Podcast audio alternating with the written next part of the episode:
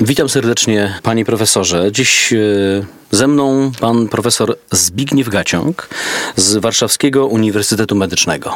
Dzień dobry.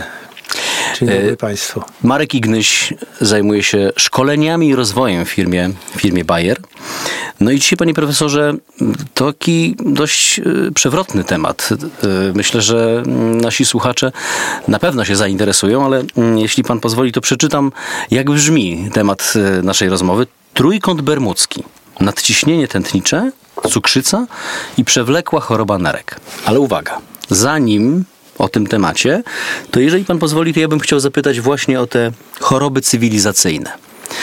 Eee, czym one są? Eee, kogo dotyczą? Bo trochę ten nasz styl życia jest chyba tu uwarunkowany.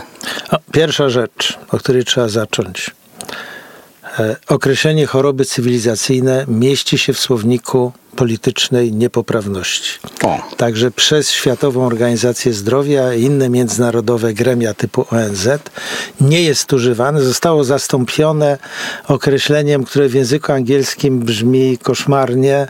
E, nie ma polskiego odpowiednika po angielsku. To się nazywa non-communicable diseases, czyli choroby, jakby, którymi nie można się zarazić, zarazić. które nie są przenoszone przez jakieś czynniki zewnętrzne. Nie mamy dobrej polskiej nazwy, ale te eliminacja określenia choroby cywilizacyjnej jest, zas, jest zasadna, dlatego że jeśli patrzymy na kraje, nie oceniając stopnia ucywilizowania ich, ale na przykład pod kątem dochodu czyli zamożności lub biedy, to okazuje się, że to, co dawniej było, czyli zamożność, dostęp do wszelkiego rodzaju dóbr, nie jest już czynnikiem, który sprawia, że ludzie częściej zapadają na te tak zwane choroby cywilizacyjne, czyli głównie nadciśnienie, powikłania miażdżycy, cukrzycy, takie związane ze stylem życia.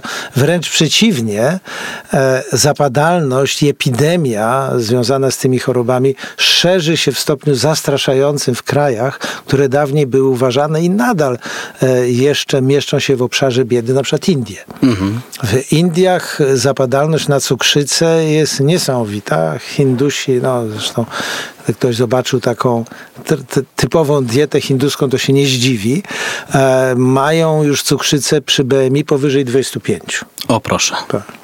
Znaczy, ja nie bez kozery o to zapytałem na początku, y, no bo ten trójkąt bermudzki, jak jeżdżą sam pan profesor wymienił, to nadciśnienie tętnicze, cukrzyca i ta przewlekła tak. choroba nerek. I no mówi się dużo oczywiście o, o tym nadciśnieniu tętniczym, mówi się dużo o cukrzycy, a jednak trochę mniej o, tym, o, tej, o tej przewlekłej chorobie nerek. No, przewlekła choroba nerek się pojawiła e, z chwilą, kiedy nefrolodzy wprowadzili swoją klasyfikację chorób nerek, po prostu postanowili dorównać innym specjalnościom medycznym, gdzie zwykle te często występujące choroby mają jakieś etapy, stadium zaawansowania, etc. W związku z tym wprowadzono tę klasyfikację, która wprowadza po pierwsze pojęcie przewlekłej choroby nerek oparte na zaburzeniach trwałych, przewlekłych czynności nerek odnoszonych czy do przesączania kłębuszkowego, czy do zwiększonej utraty białka. Wprowadzono stopnie e, przewlekłej niewydolności e, nerek i w związku z tym, ponieważ no, mierzymy przesączanie kłębuszkowe, to okaże się, że w grupie osób na przykład po 80 roku życia, takich, które mają zmniejszone przesączanie kłębuszkowe, to będzie połowa. No tak. Albo no bardzo tak. duża liczba chorych, co jest oczywiście e, znakomite dla nefrologów, bo napędza im klientelę, no bo ktoś popatrzy, że ma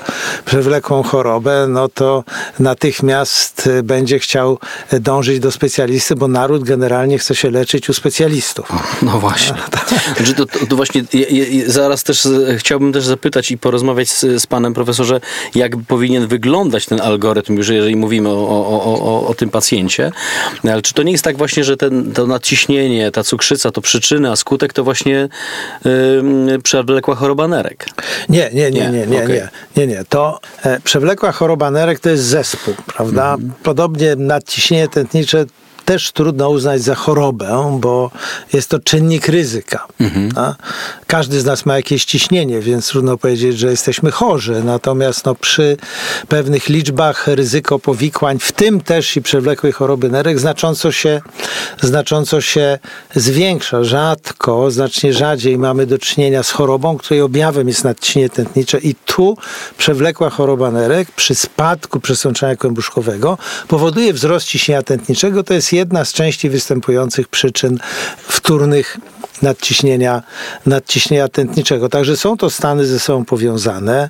E, wiadomo, że przy współistnieniu cukrzycy ryzyko przewlekłej choroby nerek u pacjenta z nadciśnieniem znacząco zwiększa i na odwrót u chorego z cukrzycą nadciśnienie znacząco zwiększa prawdopodobieństwo powstania przewlekłej choroby nerek. E, mm, Czyli to jest takie sprzężenie zwrotne, rozumiem? Rodzaj współdziałania, rodzaj współdziałania. Poszczególnych, poszczególnych czynników. A tak. to się często zdarza, panie profesorze? Bardzo często, tak. Taka kombinacja cukrzyca, nadciśnienie, przewlekła choroba nerek jest bardzo częsta. U pacjenta z cukrzycą typu drugiego, e, czyli tą najczęściej występującą formą cukrzycy, no większość ma nadciśnienie tętnicze. Większość ma nadciśnienie tętnicze. Czyli ten, ten, ten trójkąt bermudzki to nie jakiś, e, jakiś mit, tylko naprawdę... Nie, nie, nie. Znaczy trójkąt bermudzki to mit, jak wiemy. Mhm. No, no, tak. no tak tak, ale nasze, to jest nasz związek, ta korelacja nadciśnienia cukrzycy. No, pojęcie trójkąta bermudzkiego miało odnosić się do pewnego obszaru, gdzie nagle bez e, przyczyny ginęły, ginęły samoloty, prawda, samoloty i statki. E, my akurat jeśli mówimy o takim trójkącie bermudzkim, no to tu rzeczywiście ta nadumieralność jest, czyli ginie rzecz więcej pacjentów. E, jest to przyczyna przedwczesnych zgonów, to trzeba bardzo mocno podkreślić. Natomiast no, istota problemu jest znana i tu tak naprawdę podstawowym czynnikiem, który wiąże się z tym trójkątem bermudzkim jest otyłość. Jednak. Tak, to bez, bez Powiedzmy wątpienia. Jasno, tak, i trzeba też, e, jak zaczęliśmy od chorób cywilizacyjnych, z którymi WHO walczy w sensie e, nazewnictwa, to e, WHO też ma kryterium tak zwane przedwczesnej umieralności, kiedy przyjęto, że jeśli ktoś umarł przed 65 rokiem życia, to umarł za wcześnie. E, nie wiem, czy ma to związek z faktem, że umarł przed e, uzyskaniem uprawnień emerytalnych, bo 65 rok życia był przez kanclerza Bismarcka wprowadzony jako ten wiek, kiedy człowiekowi należała się emerytura. Większość ludzi nie dożywała do tego wieku, także z punktu widzenia finansów publicznych było to bardzo dobre, Czyli bardzo ten wiek, dobre rozwiązanie. Ten wiek się stąd wziął. tak, tak, tak, oczywiście, tak. I kryterium WHO wieku podeszłego jest 65 lat. Mhm. Amerykanie przyjęli 75 lat. Praktyczna definicja to wiek własny plus 20. E, no tak. na, mm, natomiast przyczyną numer jeden przedwczesnych zgonów jest nadciśnienie tętnicze na liście czynników ryzyka. No, bo z chorób to nadal choroby układu krążenia ale jeśli patrzymy na czynniki ryzyka, czyli te, które są modyfikowalne, które możemy w pewien sposób zredukować, na nie wpłynąć, to nadciśnienie od 20 lat jest czynnikiem ryzyka numer jeden i co więcej, jego rola wzrasta. Okej. Okay. No, czyli tak, profesorze, y, nadciśnienie, cukrzyca i przewlekła choroba nerek. Powiedział pan, że to wcale nie jest y, odosobniony problem, nie. jest tego dużo. Nie tak. wiem, procentowo to pewnie może 70%? To zależy od kryterium wieku. Jeśli popatrzymy na całą populację dorosłą, na przykład weźmy Polskę jako przykład. Najlepiej. E, no to nadciśnienie to jest około 30%. Niestety mamy niedobór rzetelnych badań epidemicznych, takich jakie funkcjonują w wielu krajach, gdzie można w sposób dosyć rzetelny powiedzieć, jaki odsetek populacji określonej cierpi, czy ma poszczególne czynniki ryzyka. Czy nadciśnienie to jest na pewno około 30% z tendencją wzrastającą.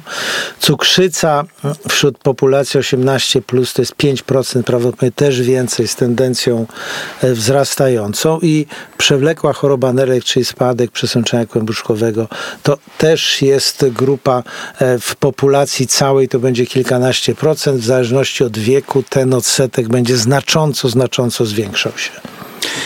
No i w takim razie mamy takiego pacjenta.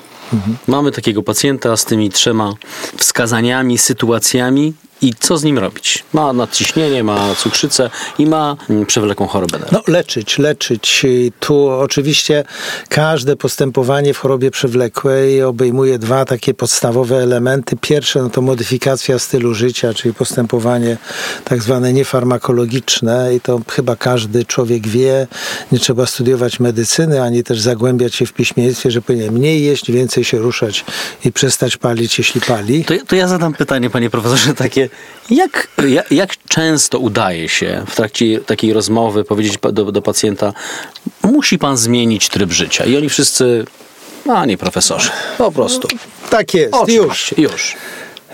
Wiem, Brytyjczycy, którzy od lat 70. zaczęli prowadzić rejestry, które obejmują pacjentów ubezpieczonych w Narodem National Health Service, czyli praktycznie wszystkich Brytyjczyków, e, dysponują niektórymi danymi i są między innymi obserwacje, które pokazują, jaki odsetek ludzi otyłych e, schudł, czyli doprowadził swoją masę ciała do prawidłowej i utrzymał przez dalszą część życia, więc proszę podać w procentach, jaki to jest procent.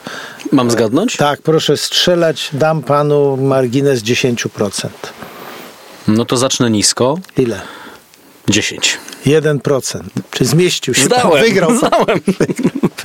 1%. Jeden. Przez resztę Matko. życia jest w stanie utrzymać. I to, to każdy smutne. z nas wie i widzi. No, nie mówię, nie odwołuję się do własnych przykładów, nie, nie, ale, nie. ale jest to... Jest ale to, w Pana doświadczeniu to, rozumiem, że wygląda jest podobnie, bardzo, tak? Jest to bardzo trudne, bardzo, bardzo trudne, mhm. dlatego że można zastosować jakieś restrykcyjne diety i schudnąć. Bardzo trudno jest na tych dietach pozostać mhm. prawda, przez e, dalszą część życia. Stąd też u osób no, z e, otyłością tą znaczną rozwiązaniem niestety jest bariatria, mhm. czyli zabiegi czy zmniejszenia żołądka, wyłączenia mhm. Fragmentu przewodu pokarmowego, które utrzymają, ułatwiają utratę i utrzymanie masy No dobrze, czyli profesorze, 1% mamy załatwione. Mhm. Udaje się. Co z 99%? Otyły, mówimy tu o, o Mówimy o. O, tu trzeba też bardzo mocno podkreślić, że mhm. każda redukcja masy ciała, nawet niewielka, jest sukcesem i przekłada się na korzyści zdrowotne. Bo niestety jest tak, że jeśli chodzi o otyłość, to to jest proces postępujący.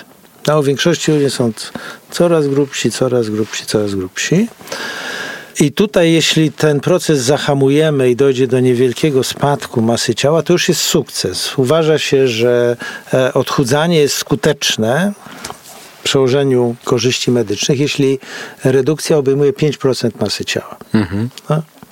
5% to uważa się, że już nie jest tak najgorzej. No, no a wracając do tej naszej. Oczywiście e, e, każda pani chciałaby przed wakacjami pokazać się, w czasie wakacji pokazać się w bikini.